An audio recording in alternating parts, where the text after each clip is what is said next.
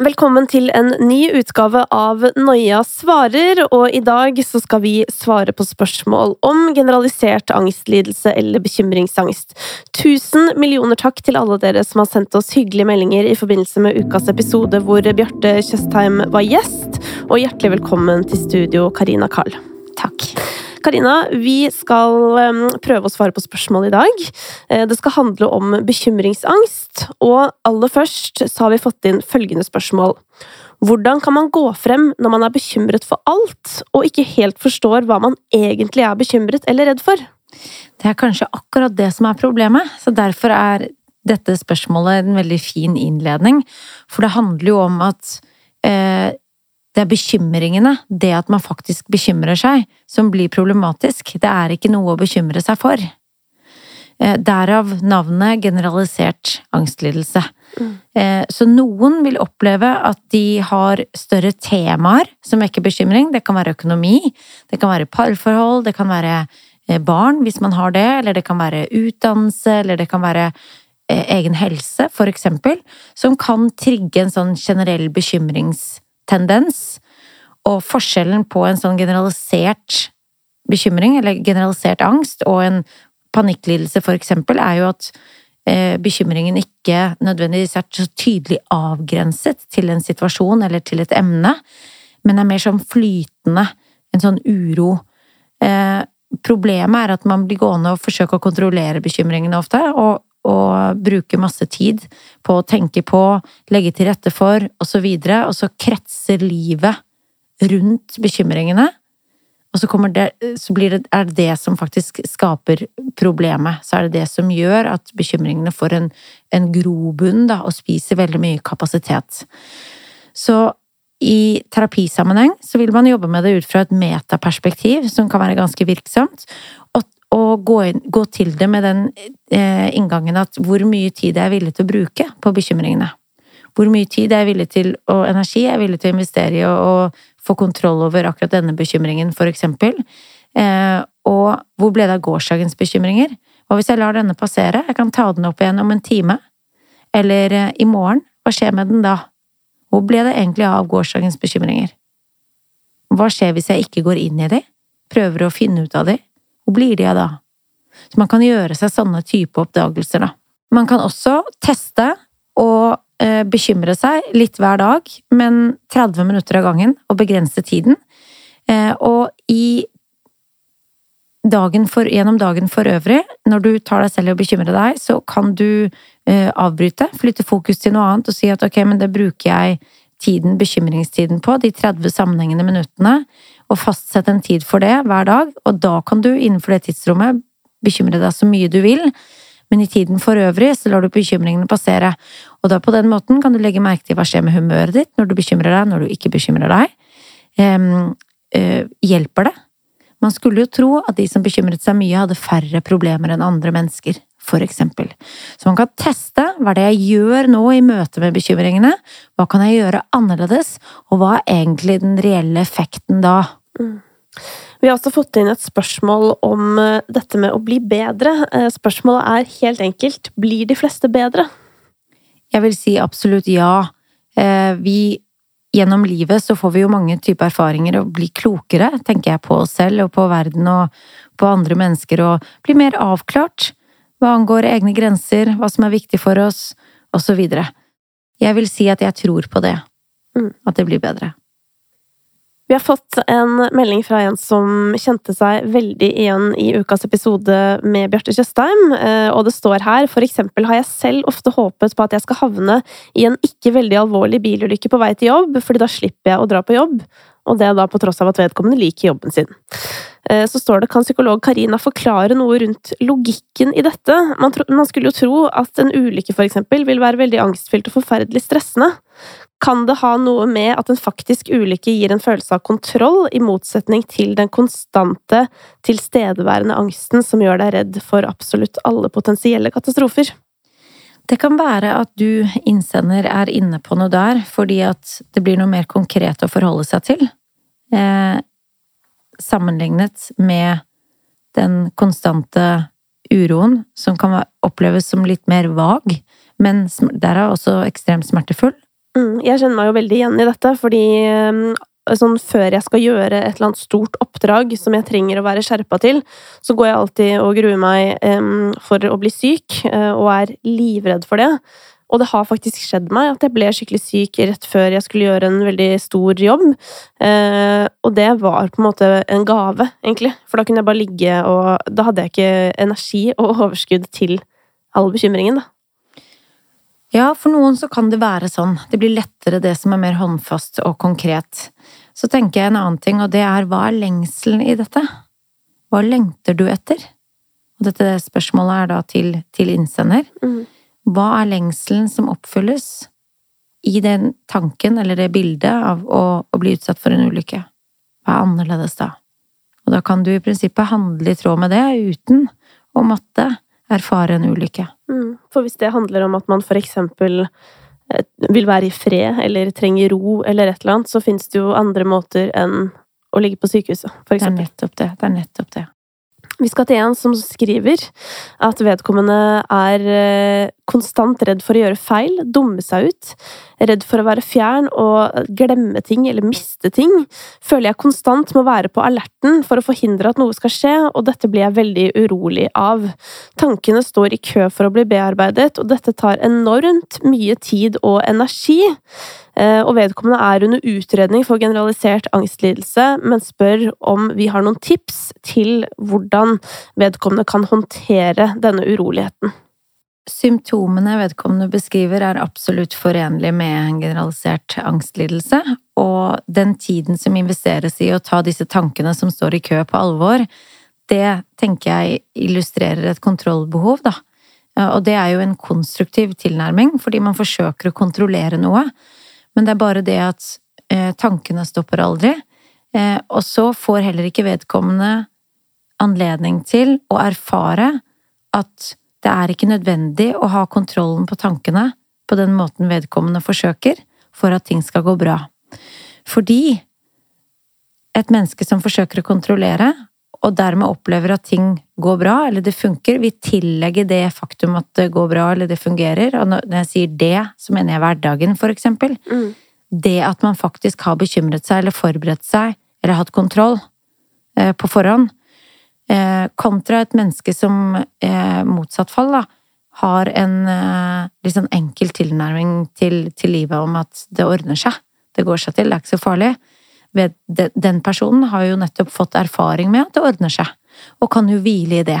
Mm. Eh, så jeg tenker også at å eksperimentere med å gi avkall på noe av den kontrollen, og gjøre små eksperimenter med hva skjer egentlig da? Hva skjer hvis jeg ikke tar meg av tankene? Hva skjer hvis jeg ikke forbereder meg på samme måte? Hvilke justeringer kan jeg gjøre, og hvilke erfaringer gjør jeg faktisk da? gjøre noe annerledes i møte med tankene, i møte med bekymringene. Bekymringene kommer til å komme, som vedkommende selv sier eller skriver, de står i kø, ja, det gjør de, men du kan velge måten du møter de på. Det er ubehagelig.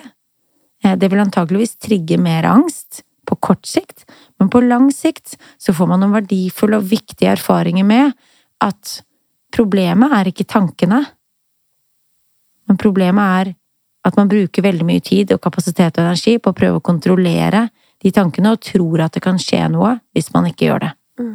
Derav bekymringsangsten. Videre så står det i innboksen her, Karina. Jeg har tenkt uh, lenge på at jeg sliter med bekymringsangst, men har aldri fått noe pekepinn på det fra psykolog eller lignende. Men jeg er høysensitiv, så dette er kanskje en kombinasjon med angst og høysensitiv? Spørsmålstegn. Nå er det interessant å spørre hva vedkommende legger i begrepet høysensitiv, da. Men umiddelbart så vil jeg tenke at noen mennesker er mer vare eller tar inn flere signaler fra omgivelsene. Det er, den, det er den måten vi ofte snakker om høysensitivitet på. Um, samtidig som at det er veldig omdiskutert om det er en diagnose eller et begrep vi skal bruke eller ikke. Mm. Noen har en teori om at noen har et mer fi, fintfølende nervesystem. Jeg tenker at vedkommende kan ta dette opp med behandler eh, og snakke om det er en sammenheng mellom den sensitiviteten og bekymringene, og prøve å avdekke, avdekke det. Og uansett hva det er, hva kan hjelpe? Mm. Noen ganger så er det heller ikke nødvendig, nødvendig å gå inn i hva, eller diagnose, eller eh, å, å kartlegge noe mer detaljer rundt det, men heller tenke hvordan kan jeg stå i dette på en måte som er best mulig for meg? Hva kan være konstruktive tilnærminger? Hva kan hjelpe meg? Vi skal til en som har fått kroniske magesmerter, eh, trolig av generalisert angst. Og så er spørsmålet om vi kan si noe om kroniske smerter er vanlig i sammenheng med bekymringsangst. Det er ikke uvanlig at det beskrives, og det tenker jeg kan kobles til at en generalisert angstlidelse trigger en sånn ø, mer eller mindre kronisk alarmberedskap i kroppen. Man er litt aktivert, og det kan gjøre at, uh, at noen kjenner, kjenner det veldig sterkt fysisk, altså i form av kroppslige signaler. For noen blir det smerter, for andre blir det kanskje spenninger eller ubehageligheter. Og så tenker jeg at det er viktig også, helt sentralt, å gå inn i hvilken mening tillegger vedkommende disse smertene. At det kan være en sentral vei å gå, det er en viktig vei å gå. Og er det en annen betydning man kan tillegge det? Og så tenker jeg at kanskje vil det hjelpe å jobbe med type avspenningsteknikker, og øve på å lære seg å slappe av, og lære seg å gi slipp. Og da vil kanskje også magesmertene kunne avta. Da skal vi til et spørsmål som jeg i hvert fall kan kjenne meg litt igjen i. Det er en som skriver her akkurat nå er jeg i en litt nede periode, men fungerer. Jeg gjør nødvendige ting som skole og jobb, men jeg klarer ikke å planlegge noe med noen. Jeg har bare plass til mine egne- tanker, mest fordi jeg ikke vet selv hvordan jeg vil ha det den dagen jeg eventuelt har planlagt noe, og det her kjenner jeg meg så sjukt igjen i, sånn frykten for å skulle planlegge noe, i tilfelle jeg har det skikkelig dårlig den dagen det skal skje og jeg må avlyse. Og vedkommende lurer på om vi har noen tips for hvordan eh, man kan takle sånne situasjoner. Jeg tenker at innsender er inne på noe ganske sentralt, som flere nok kan relatere til. Og det er klart at vi kan ikke vite hvilken dagsform vi er i, hvor mye energi vi har. Eh, en dag vi skal i en middag, eller noe annet vi er invitert til, den dagen vi faktisk får invitasjonen. Og da blir jeg nysgjerrig, da får jeg lyst til å spørre deg, innsender, hva er bekymringen i dette? Hva er du redd for? Hva er katastrofescenarioet? Og kanskje viktigst av alt, hva har du aller mest lyst til? Hva er lengselen? Hva er behovet? Jeg tenker at er det sånn at du ikke har energi eller overskudd eller lyst den dagen hvor det kommer, så kan du få gode venner, så vil de forstå det. Da kan du formidle det. Og det kan også være en billett til en annen venn å gjøre det samme overfor deg hvis vedkommende ikke har overskudd eller energi når du har invitert en gang. Det kan også være en kilde til øvelse, et eksperiment, å teste. Og kanskje blir den største belastningen for vedkommende bekymringen for om vedkommende faktisk har overskudd eller lyst den dagen denne hendelsen finner sted. Mm. Og da er det i seg selv et eksperiment som kan testes. Nå skal vi til et eh, litt spennende spørsmål, og hvis jeg har forstått innsender riktig her, så handler det på en måte om faren med at man kan bli eh, litt for komfortabel i diagnosen sin, på sett og vis. Spørsmålet er nemlig kan det skje at man på en måte blir avhengig av bekymringer, og at man på sett og vis gjemmer seg litt bak de?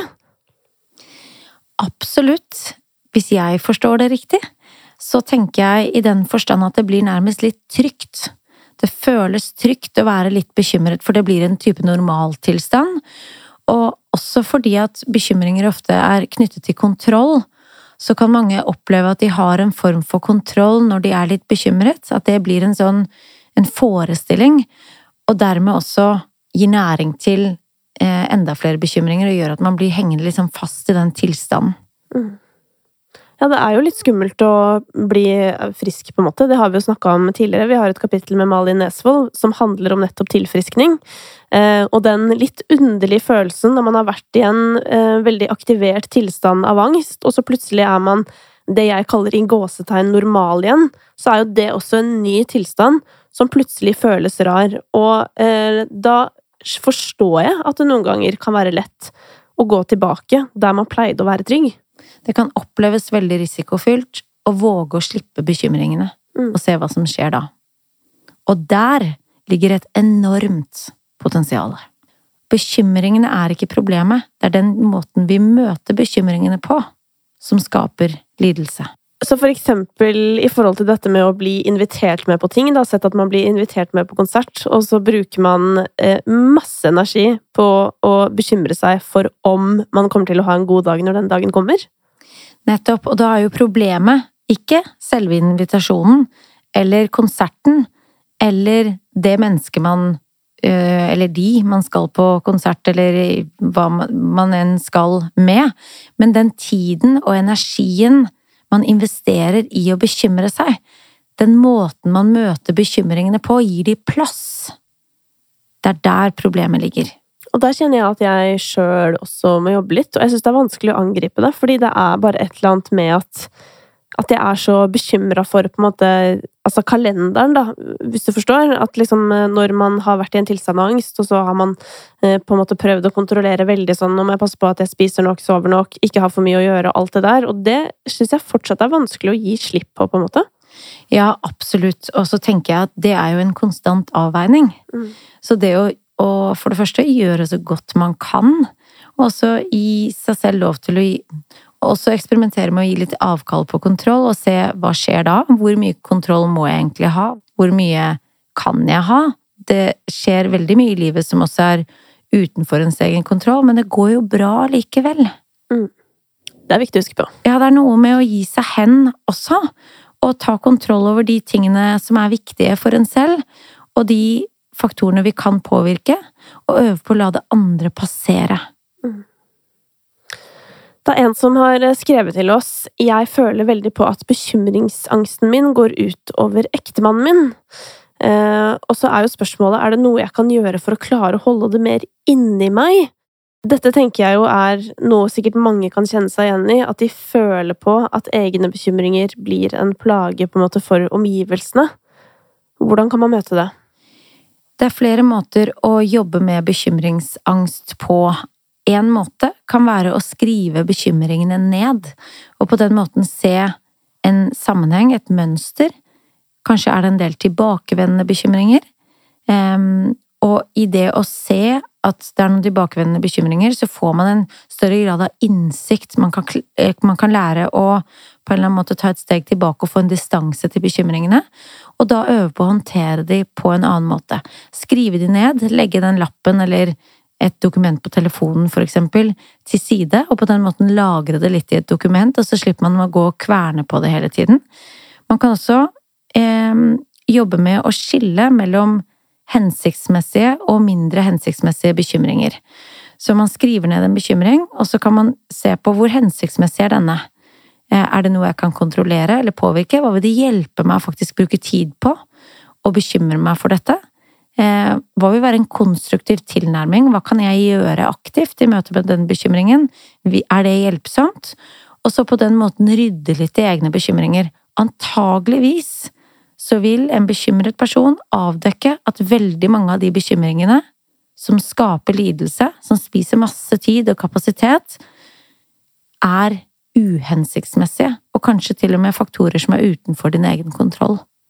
Her tenker jeg også at tipset ditt om eh, å sette av tid Nettopp, til å bekymre er- seg, er jo et veldig godt grep hvis man føler på at man eh, legger det mye på folk rundt seg, da.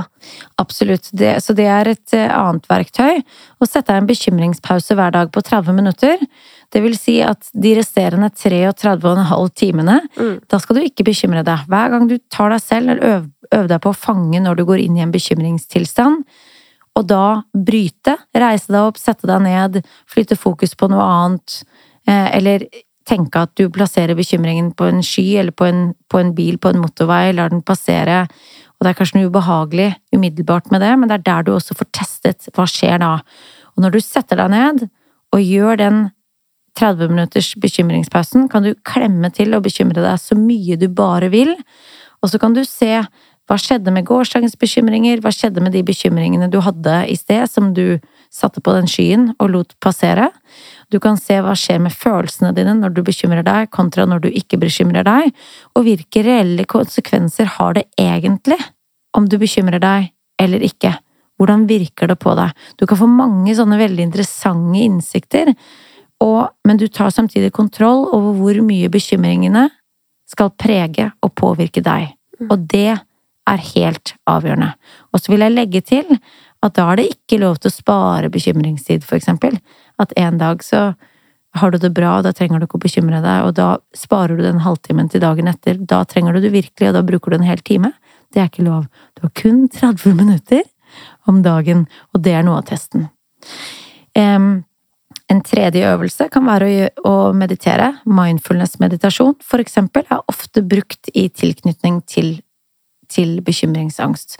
da lærer man jo å observere tanker og følelser og hvordan de spiller sammen, men uten å handle, uten å agere, møter de på en mer konstruktiv måte, og tar da sånn avstand til alt det som foregår i sinnet, som er i konstant bevegelse, men uten å identifisere deg med bekymringer, eller følelser, for eksempel. Du er ikke tankene dine, du er ikke bekymringene dine. Du er ikke følelsene dine, du er den som vet at du bekymrer deg, du er den som vet at du føler.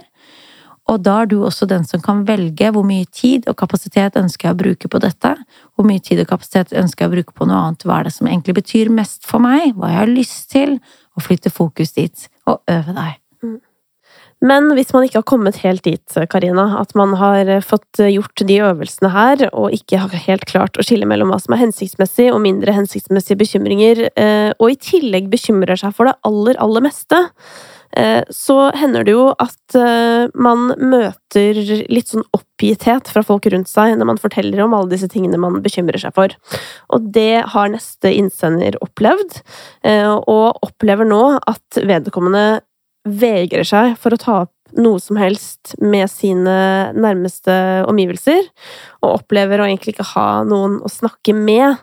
Eh, vedkommende er også redd for å spørre legen om hjelp til å finne psykolog, fordi vedkommende har sikkert fått eh, noen eh, opplevelser av at bekymringene liksom ikke er legitime, eller andre ting. Det har blitt møtt på en måte som har gjort det vanskelig å tørre å gå noe som helst sted.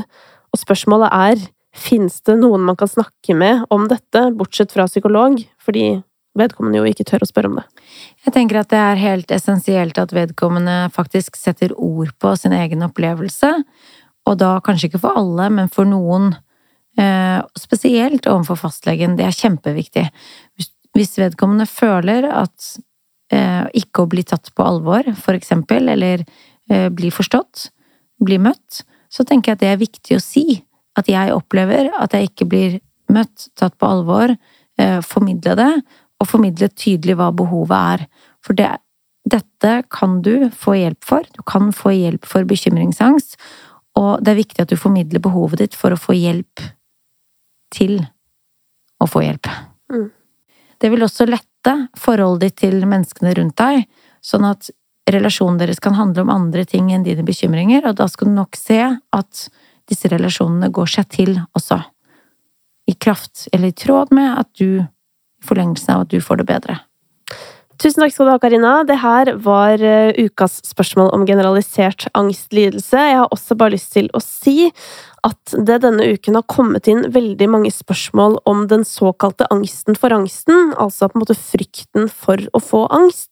Og det fins det et helt eget kapittel om fra sesong én, så gå inn på noiapodkast.no eller i din foretrukne podkastapp og finn det kapitlet. Der vil du få svaret på det aller, aller meste. Neste uke er det klart for et nytt tema i Noia, og da skal du få møte Eli, som jobber i politiet. Et sted psykisk helse ikke alltid har vært 100 i fokus, men det ønsker Eli å gjøre noe med. Neste uke blir veldig spennende. Håper vi høres da.